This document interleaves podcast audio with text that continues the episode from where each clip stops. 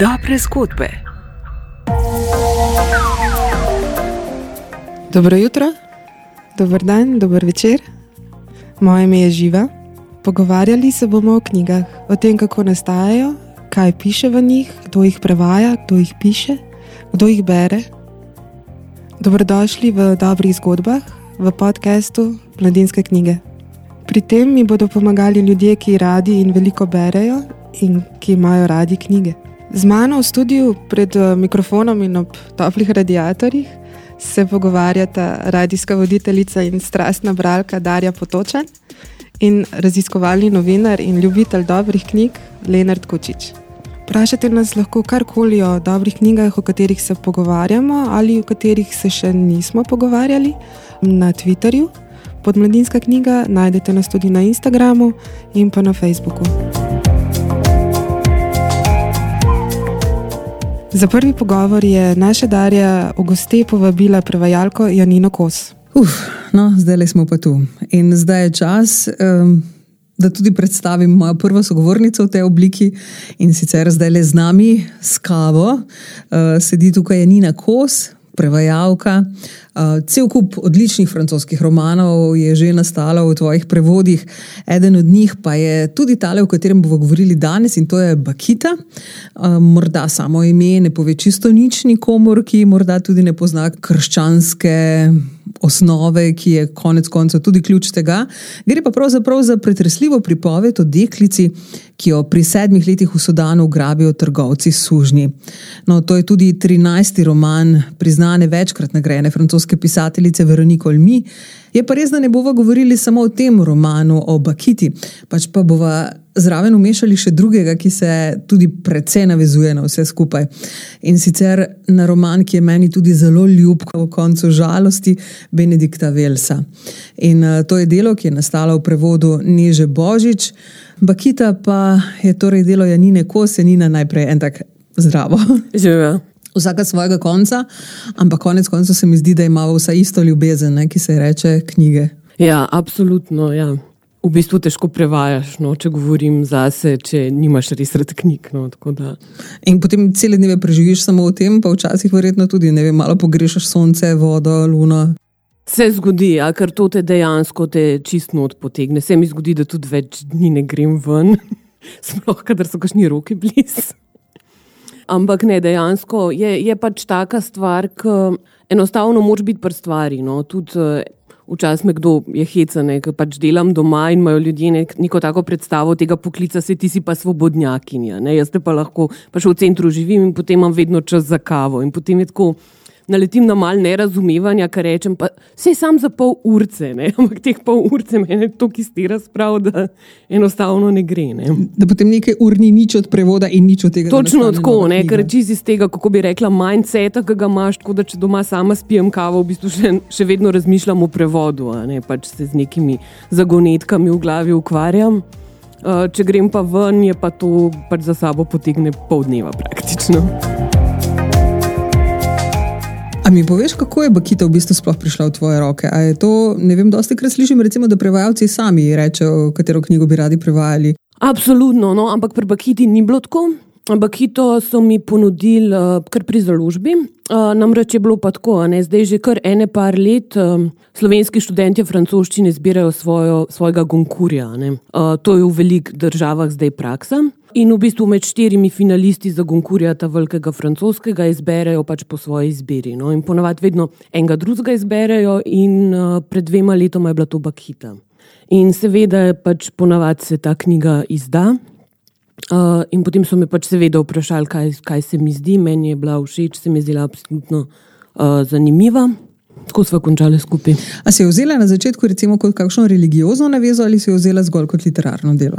Moram reči, da ja, seveda sem imela, mislim, ker sem prebrala malo o njej. Um, sem seveda pomislila, sem pa takoj sklepala, da, da ne bo to. to ne. Mislim, prav v bistvu sem takoj um, vedela, da, da bo pač avtorica to speljala v čisto neko drugo smer, kot smo navajeni pri Bakiti. Ja, moramo povedati, ne, da v bistvu gre za katoliško svetnico in da je to njena ja. zgodba, ki je literarizirana. Um, ki jo je Veronika Olmi torej postavila v neko obliko. Ampak jaz sem slišala, da je bilo v bistvu takih poskusov že prej kar nekaj. Ne? Ja, bilo je veliko poskusov. Imamo celo v slovenščini en prevod in sicer mislim, da ne, ne vem, da ne bom zdaj kaj narobe rekla, ampak v glavnem gre za to, da ko je postala Nuna, je seveda Italija, kjer se je takrat uspenil uh, fašizem, ne, jo je seveda izkoristila za neko promocijo Italije, kako ona rešuje pač Afričane. In ona je bila pač krasen primer tega, kako je Italija, krasna katoliška, rešila eno ubogo, pogansko, bom rekla, uh, dekalco. Ne. In seveda potem je ona morala povedati svojo zgodbo. Ne. Ampak ta zgodba je seveda kot jo je nekako katoliška crkva predstavljala, se je vedno končala tam, ko je ona prišla v Italijo, ko se je ona odločila, da bo vstopila med redovnice in potem je bilo njeno življenje ona sama krasna pesem, ona je bila svobodna, ona je bila rešena, v bistvu tam se konča in pol se sam še neki čudeži dogajajo. Ne? In tukaj mislim pa, da je prvič dejansko. Zdaj ne vemo, težko rečemo, da je pač tukaj gola resnica. Je avtorica zelo veliko raziskovala ne, in, de, in definitivno gre za, za dobro raziskovalno delo, ampak je v bistvu tukaj nek prvi poskus dejansko njene resnične zgodbe, ne, tako kot tudi lepo pove za Vihek.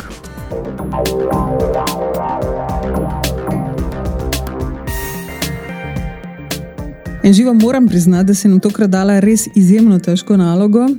Ti dve knjigi sta en velik bralni užitek, torej in o koncu žalosti Benedikta Velsa, ki pripoveduje zgodbo malega žila, ki v bistvu zelo zgodaj izgubi svoje starše, potem pa še cel kup ostalih izgub v življenju, o katerih ne bom govorila zdaj, le, ker se mi zdi, da potem povem že skoraj da preveč o sami knjigi. Ampak moram nekako postaviti vprašanje o tem, Janina Kos, zakaj se tako radi izogibamo pogovorom o žalosti in izgubah, pa o trpljenju. Po drugi strani pa je to tema mnogih del, literarnih del, tako kot tudi te bakite, ki jo imamo zdaj le pred nami. Težko rečem, mislim, tako se mi zdi, to je pač neko moje osebno mnenje, da, da bi bila žalost malo stigmatizirana v naši družbi. No? Da pač uh, vedno vse je tako naravnan na to, bodimo veseli, vse glej z pozitivne plati, mož se, vse ti neki avtogeni treningi, uno, tretje, vsaki stvari, slabi moč videti nekaj dobrega. Kot da bi bila to res neka huda stigma. Ne? Pa ti govoriš o tem, ne vem, ali si upaš govoriti o tem? Ja, ja, ja že od Mejhanga, nekako. To, to se mi je zdelo, ne res, res. Vse skupaj potem zveni kot slab štos, ampak je pa res, ne, da je to polno uh, pogovorov o tem, da ne bi smeli govoriti o tem, da je pozitivno, mora biti človek naravnan gledati na vse dobre stvari življenja. Kakšno mnenje imaš o tem? Jaz mislim, da je to potlačevanje. Ne. Jaz pač zelo ne verjamem, da obstajajo ljudje, ki ne bi bili žalostni. In jaz mislim, da je bolj, veliko bolj zdravo pač pustiti žalosti na dan in tudi se pogovarjati o teh čustvih. Uh, kot da se delaš, da pač tega ni.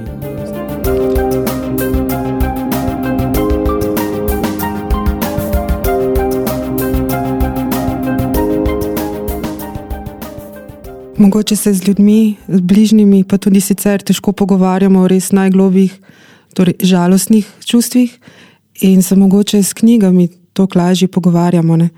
Da tukaj na dan pridajo te naše občutja, ko beremo knjigo, v bistvu malo beremo tudi sebe.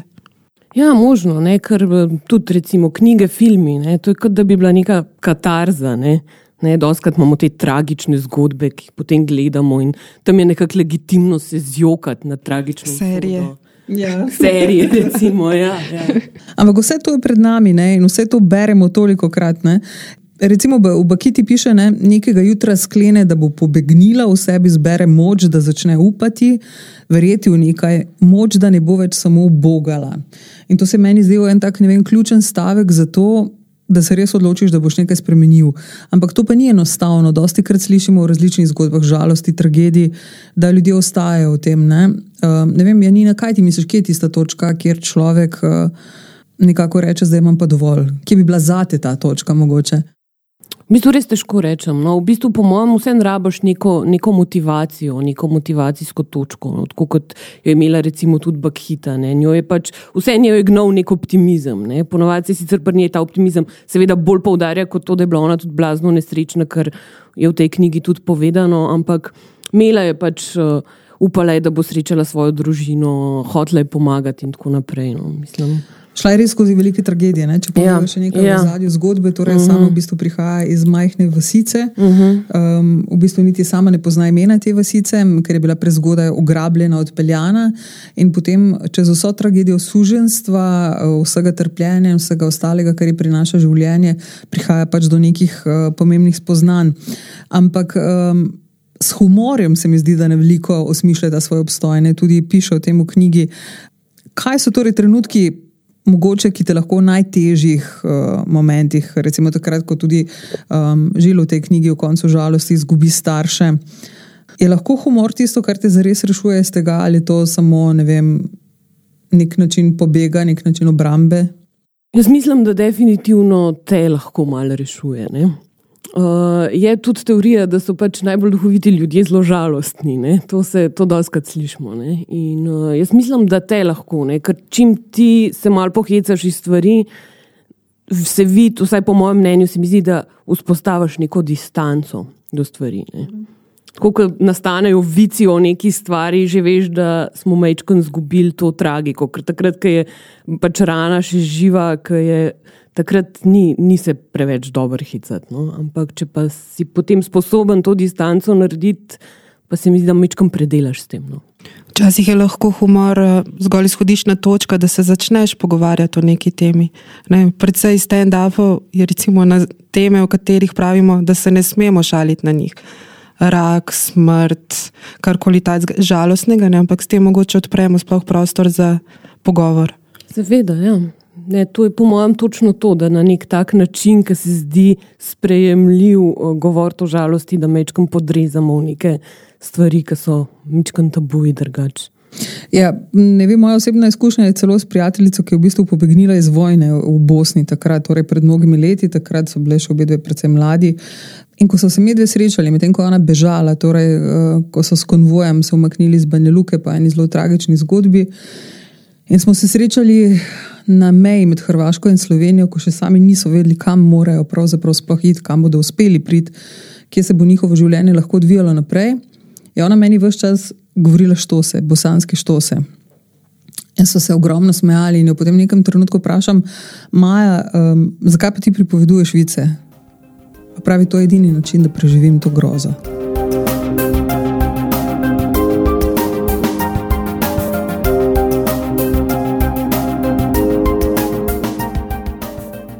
Bakita tudi pravi vmes, ne? če se kače nehaš bati, je to tako, kot če jo premagaš. Jaz ne vem, ali je strah res tisto, kar nas tako hromi v tem svojem življenju. Meni se zdi, da je strah, recimo, predvsej beseda tega našega časa danes, da tudi mi v našem trpljenju, vsakodnevnem, uh, v nekih stvarih, ki jih intimno skrivamo, na vzven kažemo vesel obraz, znotraj pa predvsej trpimo. Imamo veliko pravka s strahom, ne? anksioznost, ki je bolezen tega časa. A ti tudi zaznavaš to? Ja, seveda, tega je skozi več. Ne? Ampak to se mi zdi prav to. Ja. Pač dokler se, se z nečim ne soočaš, samo ta strah raste, raste, raste. In od strahu uh, gremo potem k temu trpljenju, ki ga je torej veliko v obeh dveh knjigah, ampak uh, se trpljenje konec koncev nam ni fino. Ne? Ni fino, da se vedno uh, spuščamo v to in od tega tudi nekako bežimo, ampak zelo radi pa vseeno beremo take reči. Ne? In se mi zdi, da del odgovora smo dali že na začetku. Ne? Zakaj beremo torej, knjige, ob katerih konec koncev tudi trpimo? Jaz sem recimo ob knjigi o koncu žalosti, se mi zdi kar dosti preokala. V Bakiti ne toliko. Ne? Pri Bakiti, mislim, mogoče je pri Bakiti to trpljenje je nekako tako res porazdeljeno po celi knjigi. Ne pride do nekega, mogoče da bi rekel, prav viška trpljenja, ne? tako tistega, ki se na junaka v enem hipu sam vse zgrne. Ne? Tle v bistvu je to trpljenje, v bistvu postane neka taka stalnica, kar je v resnici hujšnjo. Njo pač od sedmega leta do smrti spremlja to trpljenje in samo spremenja obliko. A se ti zdi, da se trpljenje potem tudi navadiš? Verjetno se ga malo. Ja. A veš kaj, razmišljam o tem enostavno, kar se nam dogaja zdaj v, v življenju. Vem, um, Živo ti tudi spremljaš, konec koncev. Uh, z vseh strani nas toliko bombardirajo z nekimi slabimi novicami, uh, z vsemi tragedijami, ki se dogajajo, da se mi zdi vsem meni, da, da ne vem, ali smo manj občutljivi postali na to zaradi vsega tega. Ja, to je nekako modus operandi današnjega sveta. Vem, vse statistike govorijo, kako nam je zdaj lepše življenje, kot je bilo komorkoli v preteklosti. Ne, vse statistike, um, kako je bogatstvo vsega razporejeno, veliko bolje kot v preteklosti, ne, ampak hkrati smo bombardirani s temi negativnimi in fake novicami, ravno zato, da se mogoče tega ne zavedamo, ker če mi živimo s strahom, si ne upamo živeti in potem tudi kaj preveč nismo aktivni ne, za širšo družbo. Ne, tako da v bistvu je mogoče komu v interesu, da smo v strahu.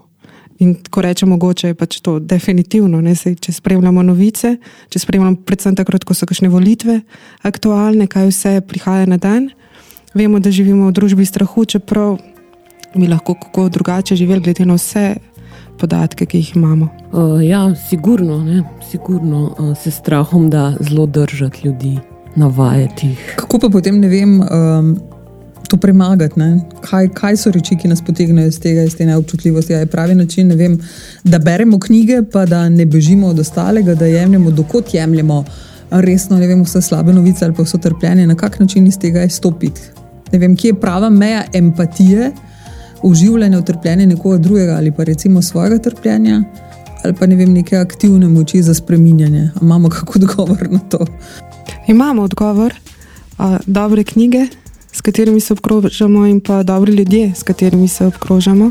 Recimo tudi v knjigi O koncu žalosti je prav to, kako se probojajo, želijo nasloniti na druge ljudi in potem zdaj, koliko te ljudje imajo moč ti pomagati, ampak je ravno ta želja in ravno ta trud iskati oporo v drugih ljudeh, tudi pot ven iz žalosti. En del je še tukaj iz knjige, iz Bakite, ko pravim. Zapor je zunaj, ne notri. Biti v samostanu pomeni biti svoboden. Obstajajo pravila, ki so stroga, zahtevna, celo krivična. A ta pravila tudi opogumljajo, pomagajo ti preživeti. Bakita to najbolje ve. Samostan je v tvoji duši, v tvoji notranjosti. Tega ne razumeš takoj. Potrebna so leta, da najdeš svoje mesto.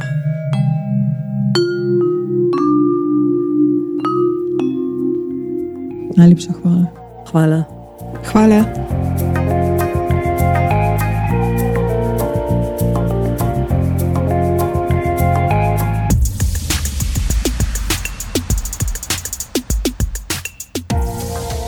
Hvala Janini Kos, prevajalki, ki je prevedla Bakito Veroniko Lmi. Knjigo lahko dobite v vseh knjigarnah mladinske knjige in seveda na mk.si, kot tudi knjigo o koncu žalosti Benedikta Wellsa. Hvala, ker ste bili z nami. Za vse vprašanja, komentarje, kritike, no, kritike ne, smo na voljo na Twitterju Mladinske knjige, na Instagramu in na Facebooku. Ciao!